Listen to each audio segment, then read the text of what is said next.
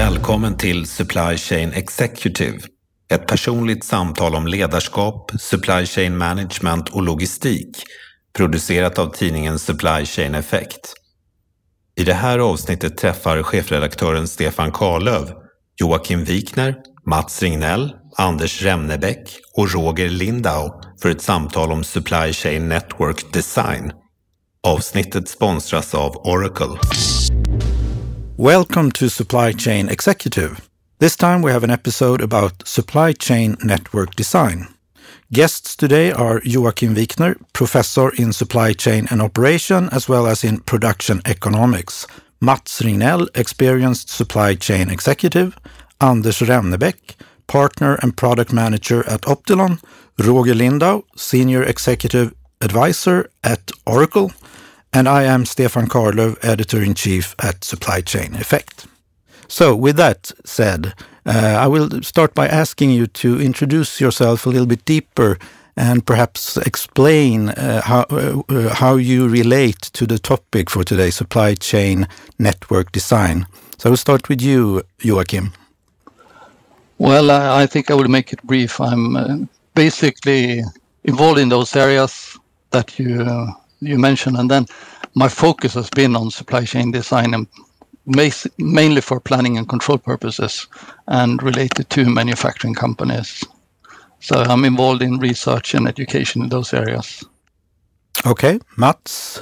Well, um, I came in contact with this about supply chain design, uh, especially during my days at uh, SCA as well as IKEA reviewing both the raw material and the finished goods suppliers and how to make the setups. And uh, that has followed me all through the different companies where I've been working, since it's a strategic, very important aspect of how you want to manage your supply chain. Yes, and I know you have a lot of experience in this field, and you will tell us more about this later on.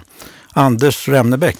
Yes, uh, I came across the the topic uh, supply chain design in in 2003, 2004, uh, working at Intentia, the Swedish ERP vendor, and we actually lost the deal um, against another uh, competitor that actually had a true tool for that purpose, and at that time we did not. Right, so then we realized that hey, this is something very interesting and something very specific and uh, so that was the first time I sort of heard about it.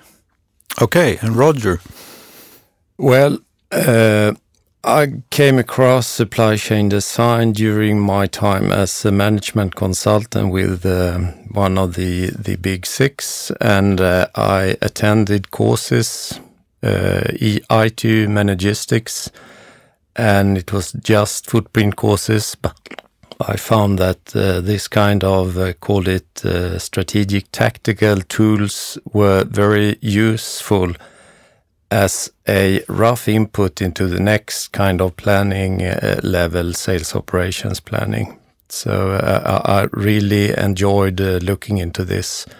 from a practical point of view, I, I ran a supply chain design project and it was more from a kind of political point of view when we were trying to convince uh, uh, some guys from a neighboring country uh, that our kind of setup was the most uh, profitable or effective. And at that time, I met Anders and Jens from the same company uh, so, and from that on, I've had this as a kind of uh, good input into the next step sales operations planning, which I've been working with a lot. And I've come across uh, many supply chain uh, setups where the long term kind of challenges have been neglected and you have run straight into your sales operations planning. And that's why I think this is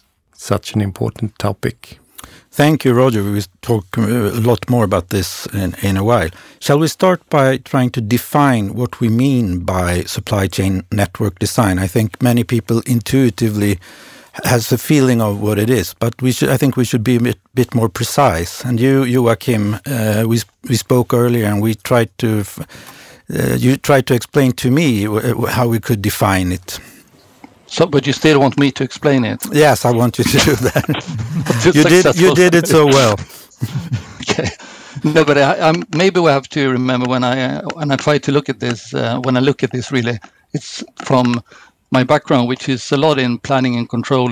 So it's, it's kind of from that perspective, and um, so at least when I look at this, the the word supply chain network design. Sometimes it's referred to as like strategic network design or something also. But looking at it, it's like I think we should see it as two parts. It's first the supply chain of the supply chain network design, and the supply chain, as far as I know, it's a concept from um, maybe the 1980s, where we started to have a closer look at customer supplier relations, etc., and uh, focusing more how different companies or parts of a company are collaborating and to get some more overview of this. So I see this as maybe uh, the context of what we're talking about. And the second part, network design, is um, the way I see it is it's kind of developed over at least uh, three phases. And if we look at the foundation of it, which is how to analyze networks, uh, I, I, think it dates back to the 1940s, 1950s with the mathematics of it, uh, like linear programming, etc. So th- that's kind of one important foundation. So have to remember it's like 70 to 80 years old. This a lot of the mathematics behind it. Since then, a lot have developed, right? But um, and then, as actually Anders mentioned, I, I think it's in the 1990s we started to see like computer power and software really being able to provide some kind of interface to the mathematics, making it possible for guys like us to actually starting to understand and visualize what's going on when you use apply the mathematics in this. And then I would, uh, I think we should, could say that for the last maybe decade or so, we, we got the third component, and that is data. Uh, sort of finally, we have a lot of data because if you looked at the the solutions and the way we used the systems in the, like the 90s and a number of years after that, it was quite rough. Uh, we had to input a lot of data about the setups, etc., and then we could get some results from it, but maybe not that much uh, in comparison to what we invested. But today, there's a huge amount of data available to put into these uh, systems. So, if we look at then the second part, network design, I would say it's the mathematics, it's a computing power, computer power, and a nice graphical interface, and that is and then a lot of data into this. And if you look into the sort of next step for for a definition, I, I think we will see a phase where we probably become much more interested in actually we have to deal with all this complexity with the mathematics and all the data and then nice user interfaces to actually make decisions so to actually make some kind of abstraction from this taking away all the stuff that is not key to this and understand cause effect things. That will probably something we will discuss as a kind of fourth phase of this. So that for me is uh, some kind of definition of what what this is in the sense where it comes from and what it consists of. Then when it comes to application of it, I guess the other guys here can probably tell you much more about this. I can just add that we more or less look at this as a as its own discipline, right? Uh, mm. Underneath sort of the supply chain management uh, uh, area, which is the planning and the execution part. Uh, so, as supply chain management is also also about, all about as is, right?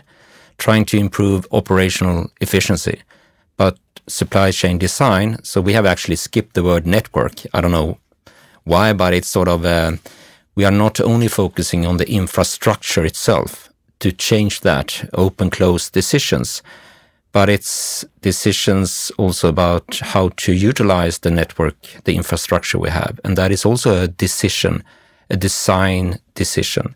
So in my world, the, the supply chain design, it's a lot about the to be, to create um, and enable a sustainable competitive advantage that we actually it's we configure something uh, intentionally that's the that's the biggest difference that i see uh, compared to the as is uh, activities Do you have any other comments about this definition, or shall we go ahead and talk about uh, how how to do this? Roger, you have something?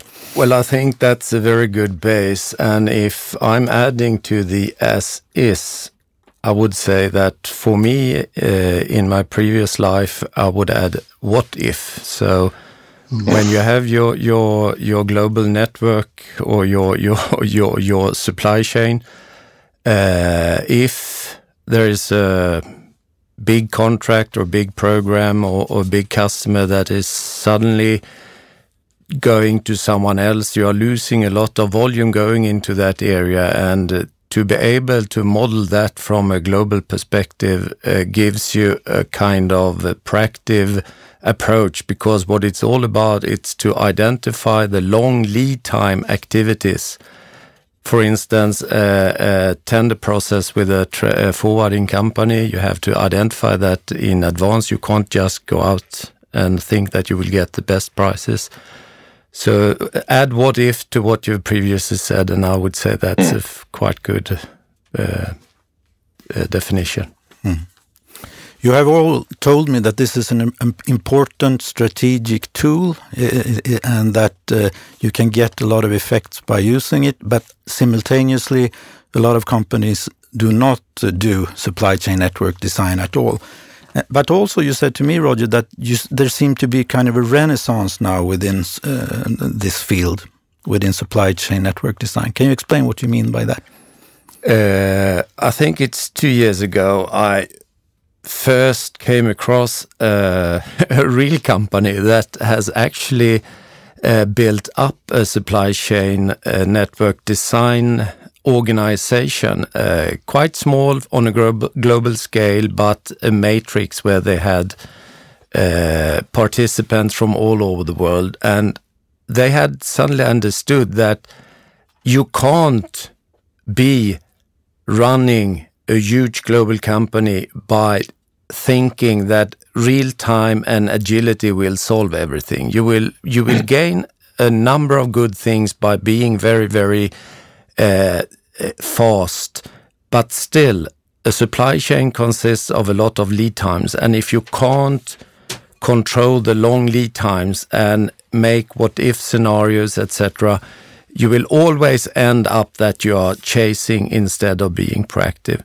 So I would say, and now I mean it's like uh, uh, uh, feeding children with with sweets when we come into this virus environment now, when a lot of companies are facing uh, uncertainties that they haven't got a clue how to solve and why they suddenly uh, came up like this. So risk management is something both on the supply side and the customer side that's been emphasized a lot in the latest, let's say, three months now. Mats Ringnell, you haven't said so much uh, yet, but I know you have a lot of thoughts and, uh, and a lot of experience in this field. Can you give us some input from your experience? Yeah, what, what I, I do think is that when you make your design of the supply chain, for me, as we said, it's both the hardware, which called like that with the customers, the suppliers, uh, raw material distribution lines, modes of, of, distribution.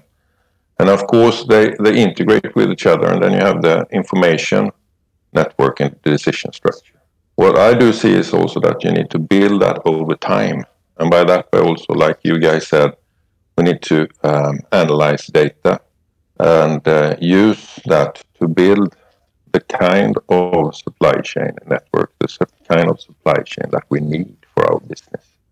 And here I think that it differs quite a lot. If I take just one example, uh, in IKEA, uh, we had the plastic uh, business, all parts which were made of plastic. And when we analyzed that, we saw that 98% of the raw material was polyethylene. We had 150 suppliers, and more or less all of those suppliers could produce more or less all the different kind of plastic products. But that was between different business areas. So it was kitchen drawers, and then it was uh, boxes for the garage and so forth. But when you looked upon that together, it was obvious then that, that uh, there would be enormous benefits if we could change the design of the overall network from raw material to customer of the, the supply chain. So uh, if one would have done it from a blank sheet of paper, most likely there would have been four big plastic factories or producers close to the main distribution centers in the four different parts of the world because the plastic was quite cheap product, but the logistic costs for transporting that all over the globe was quite high. So that's one example of, of uh, how you could do it. Then, of course, it was we see now, as was said also by Roger, uh, this with uh, that many companies they are not to, for this need of agility that this Corona situation is, is now uh, putting very many of us in. And that's, of course, one way of, of starting to look into that from a risk point of view, which is also fairly few companies have really made proper plans for all the most risky scenarios. By that way, have a B plan. Yes, and you gave some other good examples yesterday as well. You can perhaps give us some of those uh, a little bit later on here. Mm. Uh, how do, can we can, can, we try to explain how the what the best practice companies within this area does, how they should do it? If we, if we look look at some role models, IKEA might be one. You talked uh, to me about Walmart as one, like a pioneer mm. earlier, uh, Mats, and you have also given me some examples here before, Roger. What what do the the best best in uh, best in class companies do? I must say that the first thing the best companies do is that they have uh, now it, it's like a, a, very very over and over again top management commitment. They know hmm. about this. They know mm. that uh, lead times. I'm, I'm, coming back to lead times because if you can control your lead times, you have a very very good position in order to be able to deliver what the customer wants. But if your management or your executives understand this and they can understand that you can't just swap from one geography to another within a few days if something happens. You need to be a little bit more proactive and, and understand those things. I think that's a very good start because then you can then you can understand, uh, you can motivate, and then of course you need the kind of of uh, uh, what you call them now, the the flag bearer, or what you call them, the really really keen person who takes mm. takes the lead in this. And as I see it, when we run this project in the company where I was working, and introduced to this.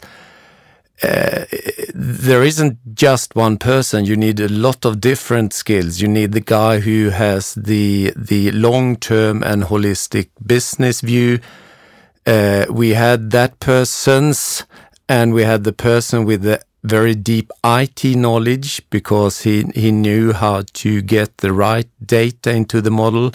And then, of course, you need someone who is the kind of overall the the the um, project manager who has good channels into top management who can motivate and then run this through because eventually when you have run these things and we were running a huge linear programming model with i think it was like 25 30,000 calculations per scenario no one can do that. They can't anticipate the results because suddenly something pops up that you didn't really understand. You didn't really uh, you, you didn't have a clue that that was actually the case and then you need to be able to to convince top management that this is actually this is actually what the model has done. And this is something that we should consider. What do you say Joakim you talked to me about that there's a risk that these things get too complicated too complex and that I'm you should stri strive for uh, some kind of simplicity in doing this. Yeah sort of. And i'm a bit curious for you, Roger, when you mention that.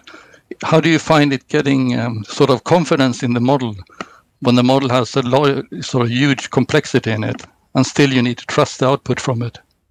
Well, we did a lot of uh, uh, simplifications.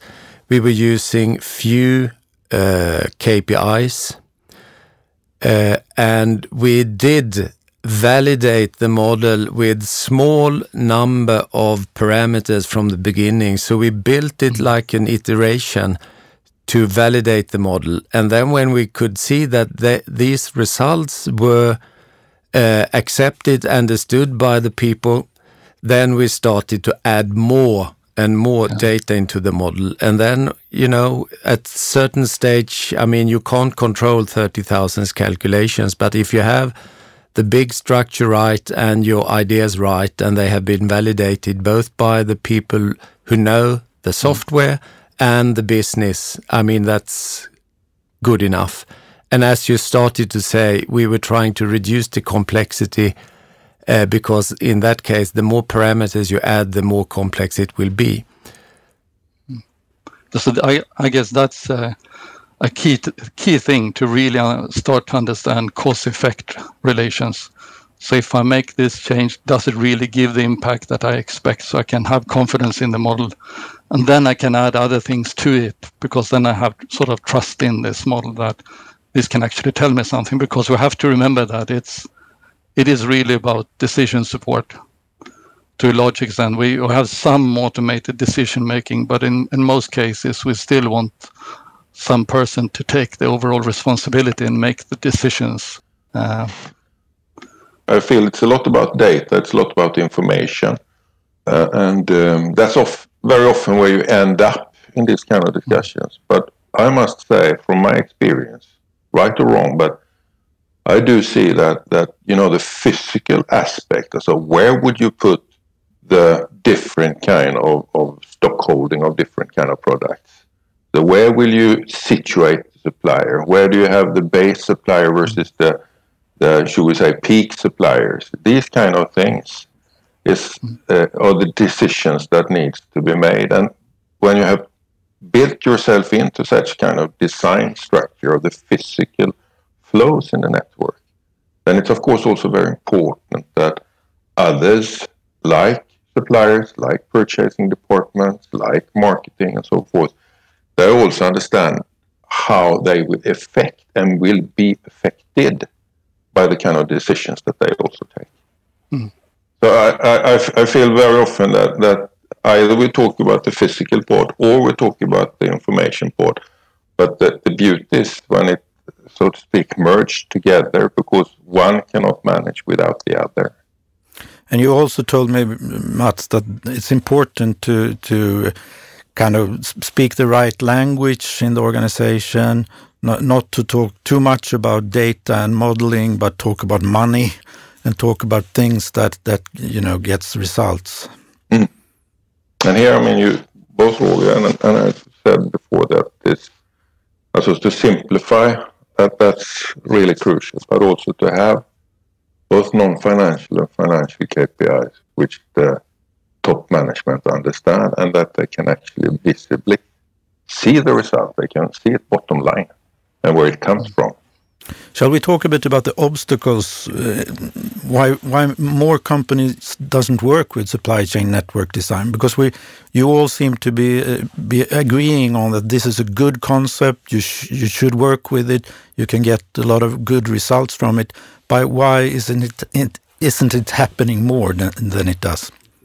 I can just I think that it has been a maybe a bad reputation. Uh, if you look back 10, 15, 20 years, you know, companies did this kind of analysis. It was a massive effort.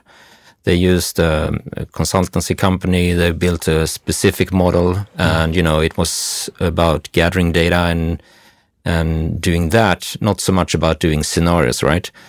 And they did that every second year or something like that. And um, so it became a, maybe a bad reputation.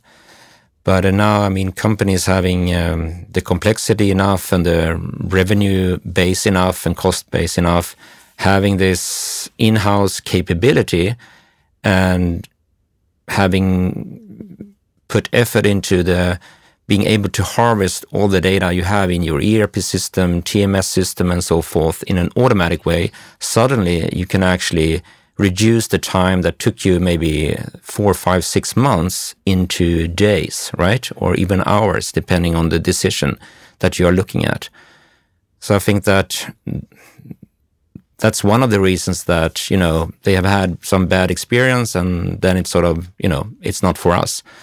And um, also I think that historically we have been focusing on on efficiencies within the four walls a lot, right? Mm. Being lean, uh, manufacturing oriented, and so forth. And suddenly we have a cross functional topic here. Uh, we have to coordinate with sourcing and production and market and sales, distribution, transport.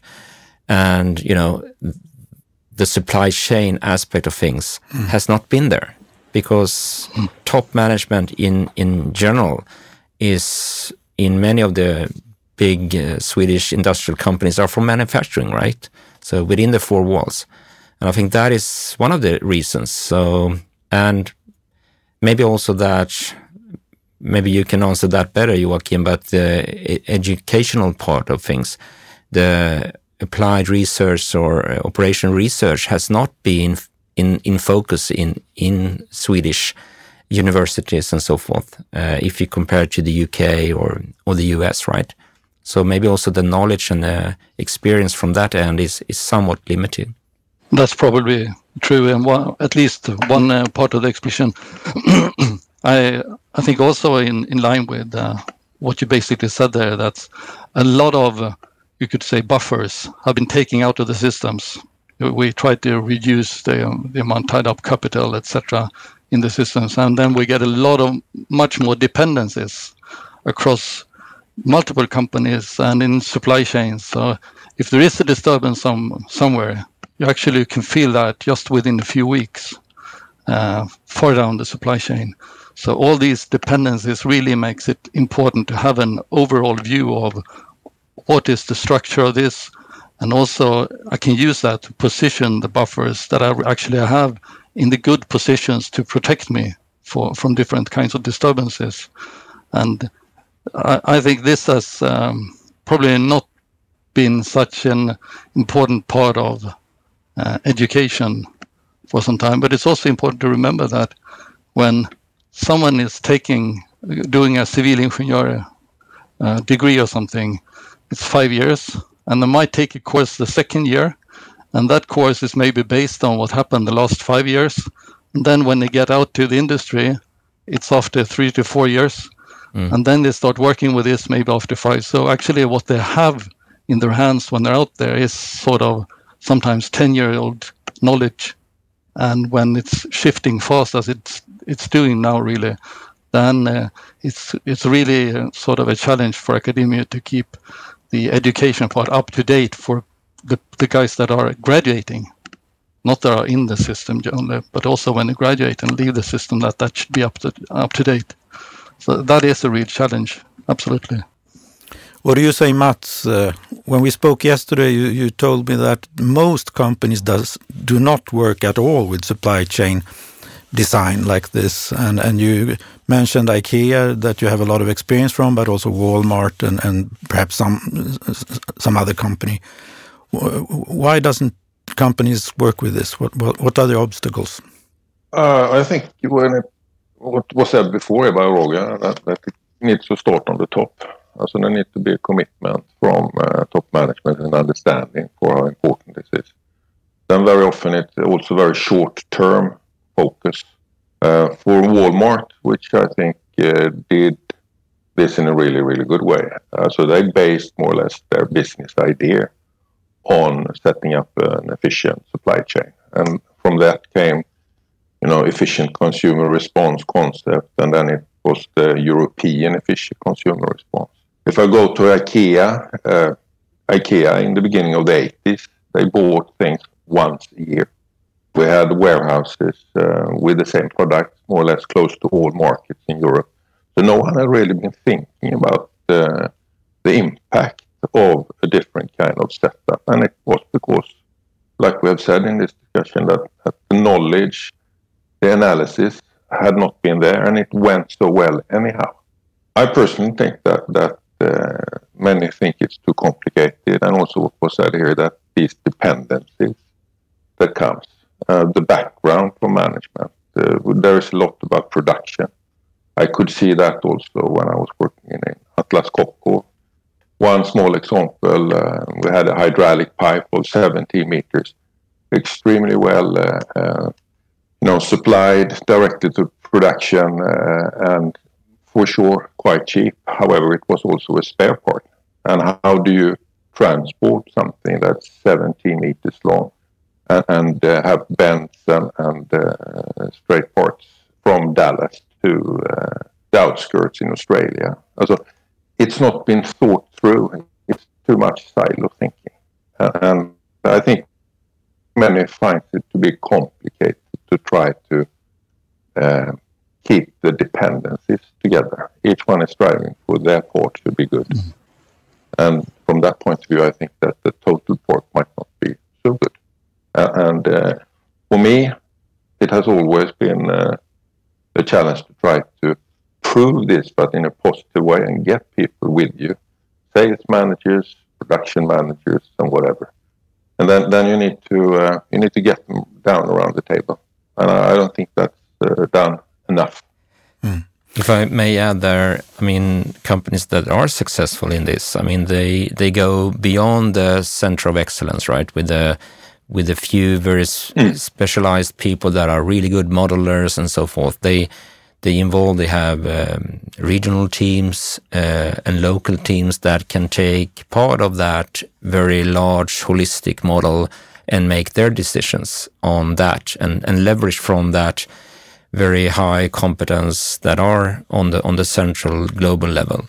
And then you get the buy-in and those more and more people get sort of insights and benefits from the from the center of excellence. And you must mention that it has to be the sponsor has to be on a very high level right? Because in those models you will you will get uh, insights about some part of the company will lose money and so that the whole whole company can actually reduce cost in total. And unless you have the mandate mandate and responsibility on that level those decision, decisions will never be implemented right so i think that is is really crucial to have that really high level sponsor and, and leadership of it so the trick isn't to go out uh, the and buy a fancy uh, software system to handle the, the supply chain network. It, it is to knock on the top management's door and try to, to sell this to them and, and uh, get their buy-in, so to speak. Yeah. Mm. The tools are enablers, right? You, mm. so, but you cannot do it uh, without the tools, but you cannot do it only with the tools, I would say, right? It's a combination. And with the the tools, I, I can I just add, I think uh, you know about this the building information models and stuff they're using for the architects, uh, etc. That's quite interesting the way, way, they view complex constructions like houses and buildings, mm. where they actually can sort of in the model take away certain layers. So if I want to analyze, for instance, the electrical wiring stuff in this house, I can just get rid of the rest easily and just see the wires or if i want to see the people flow in the elevators and stuff i can see that and do simulations and, and that would be interesting to see more from from sort of these design tools that you could hmm. actually mm. do the abstraction with help of the tools so if i want to see the physical flow of materials i could see that and then i could put on the financial layer to actually see the um, implications of uh, on economics in this, and also maybe to take away a lot of the details to see the fundamental logic in this. What are the key strategic control points in this flow? Where, where do I get the custom orders in, and how does it impact if it's standardized or customized, etc. So th that kind of view on these tools would be interesting. Maybe there are some. I don't know. Maybe you understand more about this, but or uh, Roger for that part. But uh, uh, still, it seems like it's a quite sort of monolithic model with a lot of stuff in there. No, it's. Uh, I mean, there exist fairly okay such models, but okay, the mo- the model is one one thing, but yeah. then of course it's important that you follow up. Then, so if you set up something that actually the operations then runs accordingly, and I, I just take one very small example from my experience, we, set up a distribution centers of a fairly large size uh, in IKEA, and everything was uh, hanky dory, but we didn't get the effect.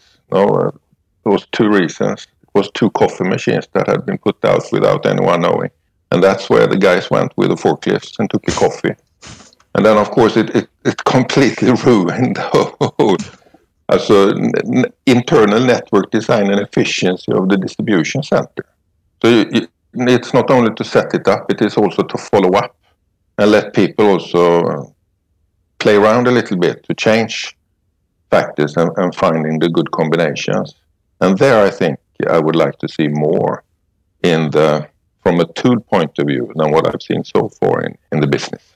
Yeah, I, I, can just add on, on that. I think it's important to to to look at these tools at, as systems of differentiation, right? It's not the mm. system um, of, of uh, records uh, like the ERP systems. Those should be really rigid and, and robust, and you know you don't change things in those um, on a high frequency. But these kind of tools, they because of the nature of the problem that we are looking at it is more innovative. You you have a sandbox, you play around, you test more like R and D, right? But for supply chain, and so therefore, I think that could be also an obstacle that we have to look at these tools from maybe from the IT department that it's it, it doesn't have to be as rigid as the ERP systems.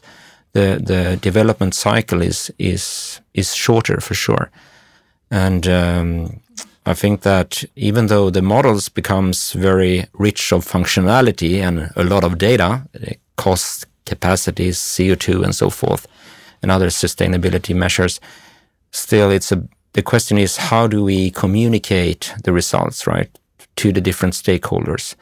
So one of the key competence in such a group is the storyteller, right? So if we only have the really great modelers and the subject matter experts and so forth, that's great. But unless we can tell the story in a convincing way, then we, we are still sort of uh, missing the target.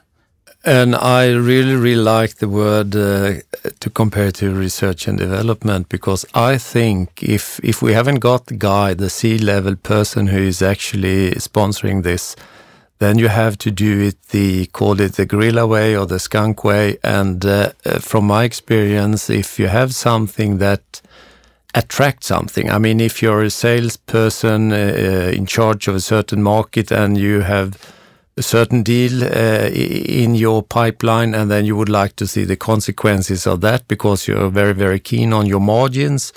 If that person is introduced to this and you can model that kind of scenario and he can see Jesus say, that's fantastic. I can even increase my margin by whatever.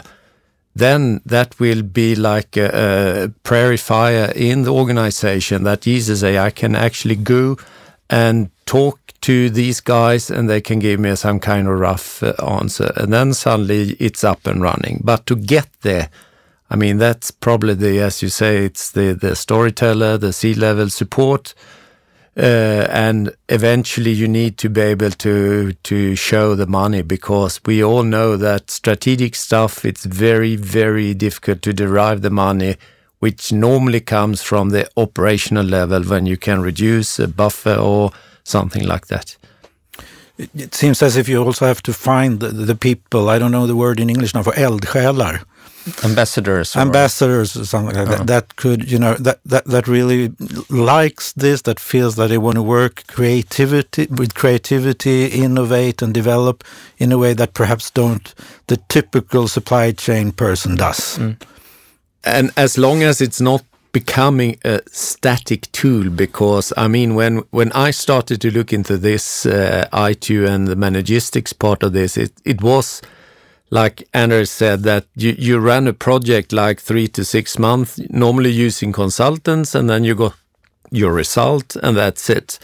But nowadays, I mean, you have the data, you have the model, you have the hopefully the knowledge. This is more of a continuous process. You are testing, companies are buying. I mean, there are mergers and acquisitions in every company. And if you add a new company into your existing supply chain, how will that affect my costs, my customer service, etc., etc.? So, I mean, it, it, it should be something that's really, really uh, in your in your supply chain genes to run these kind of things.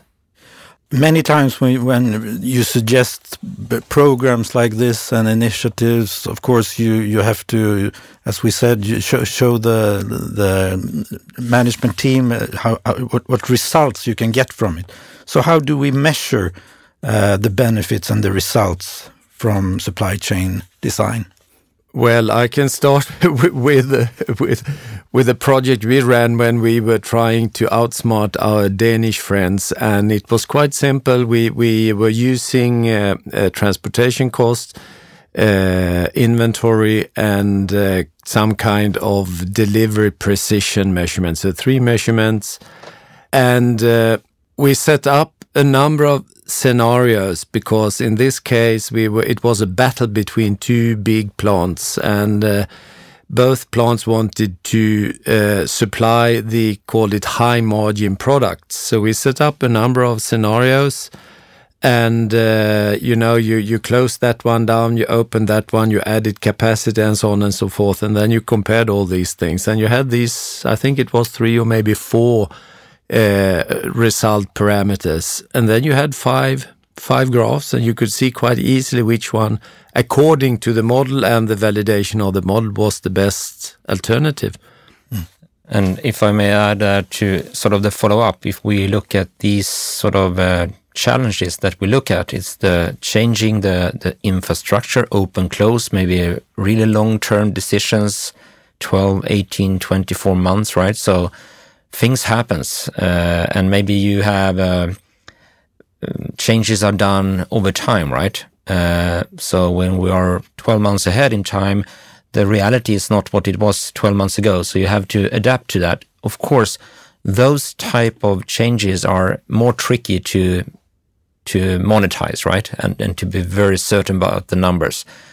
If you go on the other end the, the more dynamic sourcing decisions to change the way we we utilize the network is very sort of upfront the the benefits.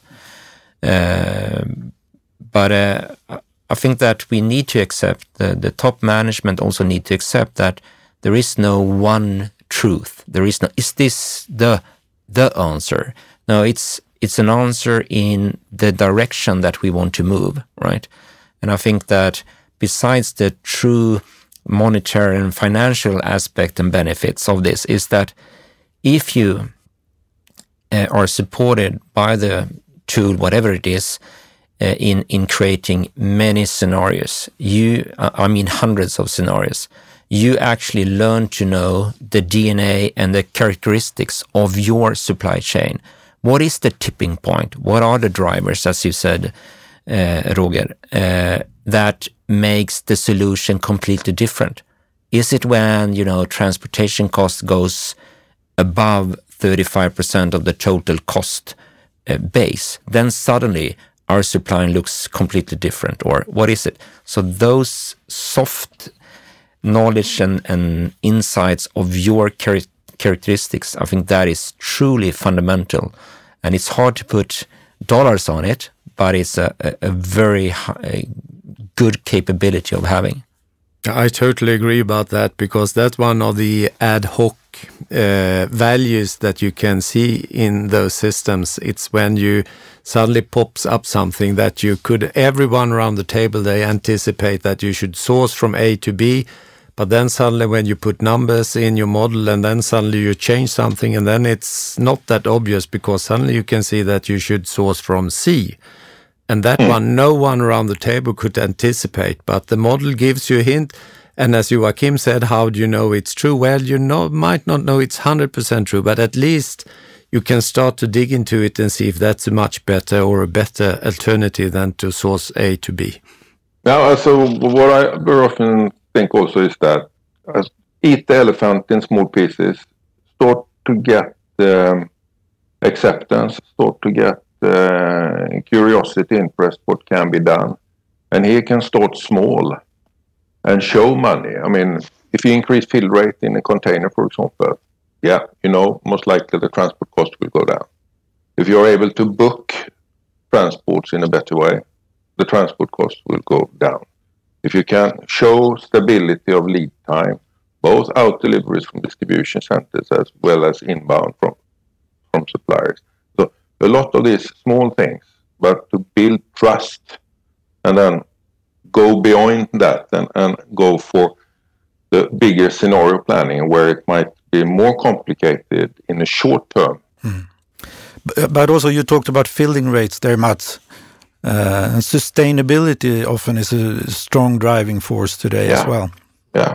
And I mean, it's so much. I mean, if, if we go back to IKEA, as one example, between 2009 and 2015, so if IKEA would have continued in the same way as they did between 2006 to 2009, IKEA would have distributed 75 million cubic meters of product.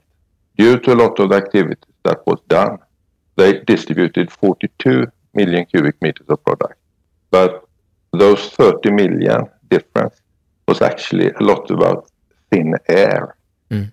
If you start to break down down into transported kilometers and, and cubic meters, we'll find that the, the saved transport costs and less transport kilometers more or less is standing for the whole profit that IKEA made at that time.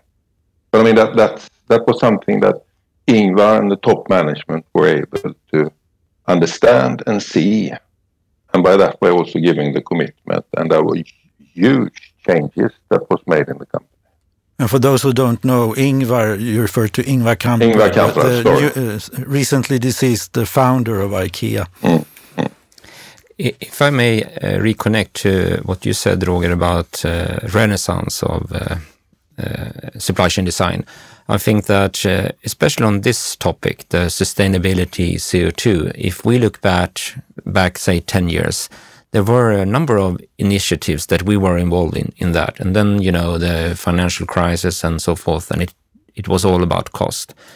Uh, but truly, um, there is a renaissance now on the sustainability and CO2 emissions uh, stuff. So the last, you know, 12, 18 months, we have been involved in, in, in a number of cases where we actually want to model not only to understand the footprint uh, regarding CO2, uh, but also actually design the supply chain so that the CO2 footprint is reduced, right? And understanding the the trade-off between emissions, sustainability, and cost. And uh, so so that's a, a, true renaissance on that uh, on that arena for sure. Shall we talk a bit uh, more about the tools then? We haven't uh, consciously didn't speak so much about the, the tools, the softwares, but nowadays we, we speak a lot about the AI and ML, artificial intelligence and machine learning. Can we say something about how, how these uh, technologies are, are improving our ability to work with supply chain uh, design, supply chain network design? The way we look at uh, AI, or we prefer to to maybe use the word uh, machine learning, is that we use it um, concrete to actually correct basic data, right? That then feeds into a system or a model like for supply chain design. So we are talking about a massive amount of data and there are inconsistencies in that data due to how it has been sort of uh, entered into the systems. There are various sort of uh, transactions and, and going on between systems and and so forth. So the data is corrupt over time, right? So by using um, what we call robotic robotic data correction, we can identify those inconsistencies, and the system will also uh, recommend um, uh, changes to those transactions. So that's one way. But actually, we have done some very interesting work recently to actually apply machine learning capability on the network design topic itself instead of using uh, the classic uh, MILP, mixed integer linear programming approach. And there are some interesting sort of aspects where that makes sense and where it truly doesn't make sense. So it's still it's not the the magic silver bullet that will solve everything, but uh, correctly used, it can actually add value to this uh, to this process. That's that's my view. Mats, uh, you, you, told me that uh, AI and, and, things like that, it's good, but you have a lot of data as it is that you can use just by structuring it and getting control of the data and so on. Yeah, that's that's my experience. When you start to look around in a company, and very often due to the fact that there are different, you know, IT systems which are not integrated, and uh, when you start to look into the financial systems in depth, you will see that there is a huge amount of data which you can connect. And if you have a couple of people who are fairly analytic and, and get access to this, they are capable of combining quite a lot of of this information and simplify it so that you can use it in a good way. But what I do feel is uh, very often when you look at this is that it's you we were talking about corrupt data. Uh, and one such thing which I think many companies are struggling with that's the master data. That is to say uh, weight, uh, size, uh, country of origin and so forth because it's very often not well kept by many companies. And that, that in itself is a very important part of the data, uh, which you can use not at least in your supply chain design, uh, utilizing trade agreements and so forth. So um, there are opportunities even without AI. Yes, sure. Mm. Let's talk a bit about the competence that you need in order to drive a process like supply chain network uh, design. You, Roger, you have some ideas about this.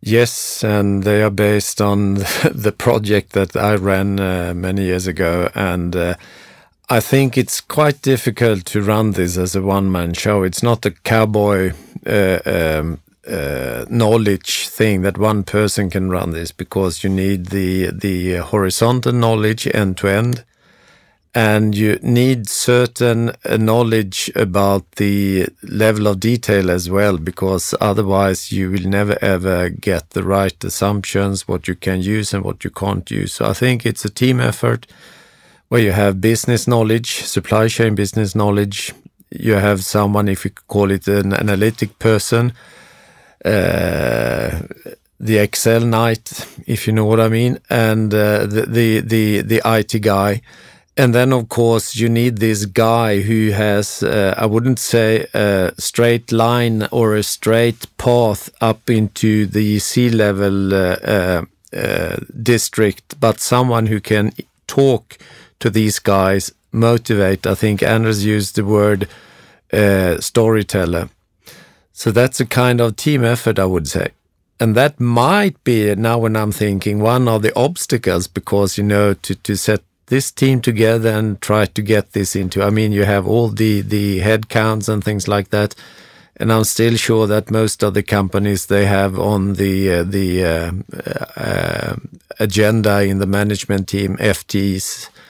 So I think it that's that's something that can be a kind of both a challenge and something that will eventually create a lot of value for the company. Uh, I can just agree. I mean, you have the modeler, right? That person that needs to be data savvy, having, you know, the mathematics, but not in depth. That's not what I'm saying, but still, you know, easy to learn, knowing about supply chain. Uh, so those kind of things, you need that in the modeler.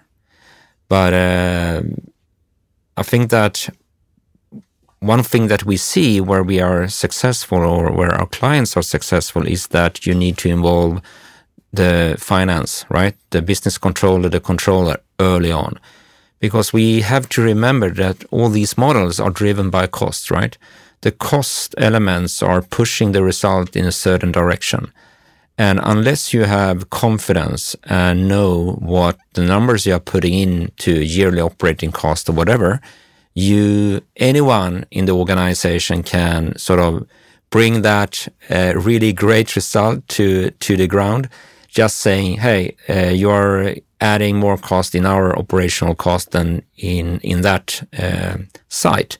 So involving finance early on uh, having the leadership of the cost structure is really critical and uh, in the end it's not the team in, in the center of excellence team or whatever you call it that owns the data. It's still owned by the process owners out in the organization. They are responsible for the quality of the data. Uh, and these guys, together with IT, harvest that data to create the models. So uh, I think that is really critical to have the ownership of the data and the data quality out there. uh, as well. Otherwise, so uh, you have the you have to have the channel, as you said, to C-level for sure as well. If I, I would add to that, then I would say, uh, you know, start this, but start small. Find a good example where maybe there is someone who's passionate, and then add on one or two other stakeholders who would have a benefit from this, and then take it from there. The results in itself talks for itself, and, uh, then by also creating that curiosity and showing the money on the table, that very often gets more and more attraction and then then um, when you're there presenting this, then have the the bigger plan in your back pocket and then present that. Well, uh, I guess I approach this maybe from a research and education perspective, and um, I think uh, um, earlier I had the impression that you could actually teach people or educate people in in some aspects, but it's for me at least, it seems more and more like some people have a talent for look, kind of seeing the big picture, not getting lost in details. They can sort of see the overall patterns of things that are happening. And in some cases, it's good to not have, as I think Anders indicated, too good knowledge about some things, because then you see a lot of challenges and complications in that. But to have this overall big picture capability to actually be able to view that that is um, a very interesting competence for doing this kind of analysis the strategic mindset is is of, of uh, course of, of it, great great importance in this it's close to the, what that uh, means You've given us a lot of good uh, tips here during the conversation, but I will I will finally ask you to to state one thing that you, you think that the company should do. For, for instance, a supply chain director in a, in a larger company, if he or she wants to, to get on with a, a supply chain network design process? Identify one um, problem area where you have a poor, um, poor profit and where, where you more or less know that it is there in, in uh, due to the transport cost too high um, uh, capital tie-up and so forth, and start breaking that down. Also focus on it extremely much and then break it down all the way down to, to how the products are set up, where it's coming from, and so forth. So you get a mini a mini supply chain setup, and because that is something that is tangible. We did that in IKEA. We called it peel the onion, where we, we broke down one business in bits and pieces in layers and then everyone was around the table purchase, uh, distribution, retail, and so forth. And you wouldn't believe how many so called truths that were completely ruined due to the discussion because we have some kind of a preconceived idea of how it um, functions in other parts of the company. And that, that, that was completely taken away by this peel the onion approach. That I would do. Great adv advice there, I think. Well, I totally agree to start with a real problem because then everyone is aware of something that can give you a lot of value. And uh, I would go for uh, look into something like uh, uh taxation. If you're sourcing from uh, a, a, product from different countries, different sources, and you can evaluate uh, taxation when you have cross-border flows don't make it too complex. Start modeling, learn, start small, and then expand. But start with a real problem. Uh, it's if I were to choose only one, I, I, totally agree. Start with a real pain with that has a a, a level right of, of cost or or revenue part or so. Never do a, a Donald Duck model. Uh, start with a real problem uh, prove that you know the the process, the technology actually can help you, uh, but still be aware of the fact that if you are serious about this, there will be a lot of effort and investment in, I would say, getting the data automation in place for the long term. Uh, and unless you're prepared to do that, you shouldn't move on, I would say. Uh, it should not be an ad hoc uh, start all over again every time. Mm. So Joakim, it's it's uh, you, you got to you you are last out, so they have taken all the so- good ones. They have taken all the good ones, but but perhaps ones, yeah, you have a, a- another advice as well. it, this is about network design. So I think it is design in one way or another. So maybe you could say that you keep you keep control of your network, or the network will control you. Basically, kind of summarizes what the other said. Okay, thank you all for a very inspiring discussion about supply chain network design. Thank you, Joakim Wikner, Mats Rignell, Anders Remnebäck, Roger Lindau, and my name is Stefan Karlöv, Editor-in-Chief of Supply Chain Effect. Supply Chain Executive is produced by Supply Chain Effect. This episode was produced in cooperation with Oracle.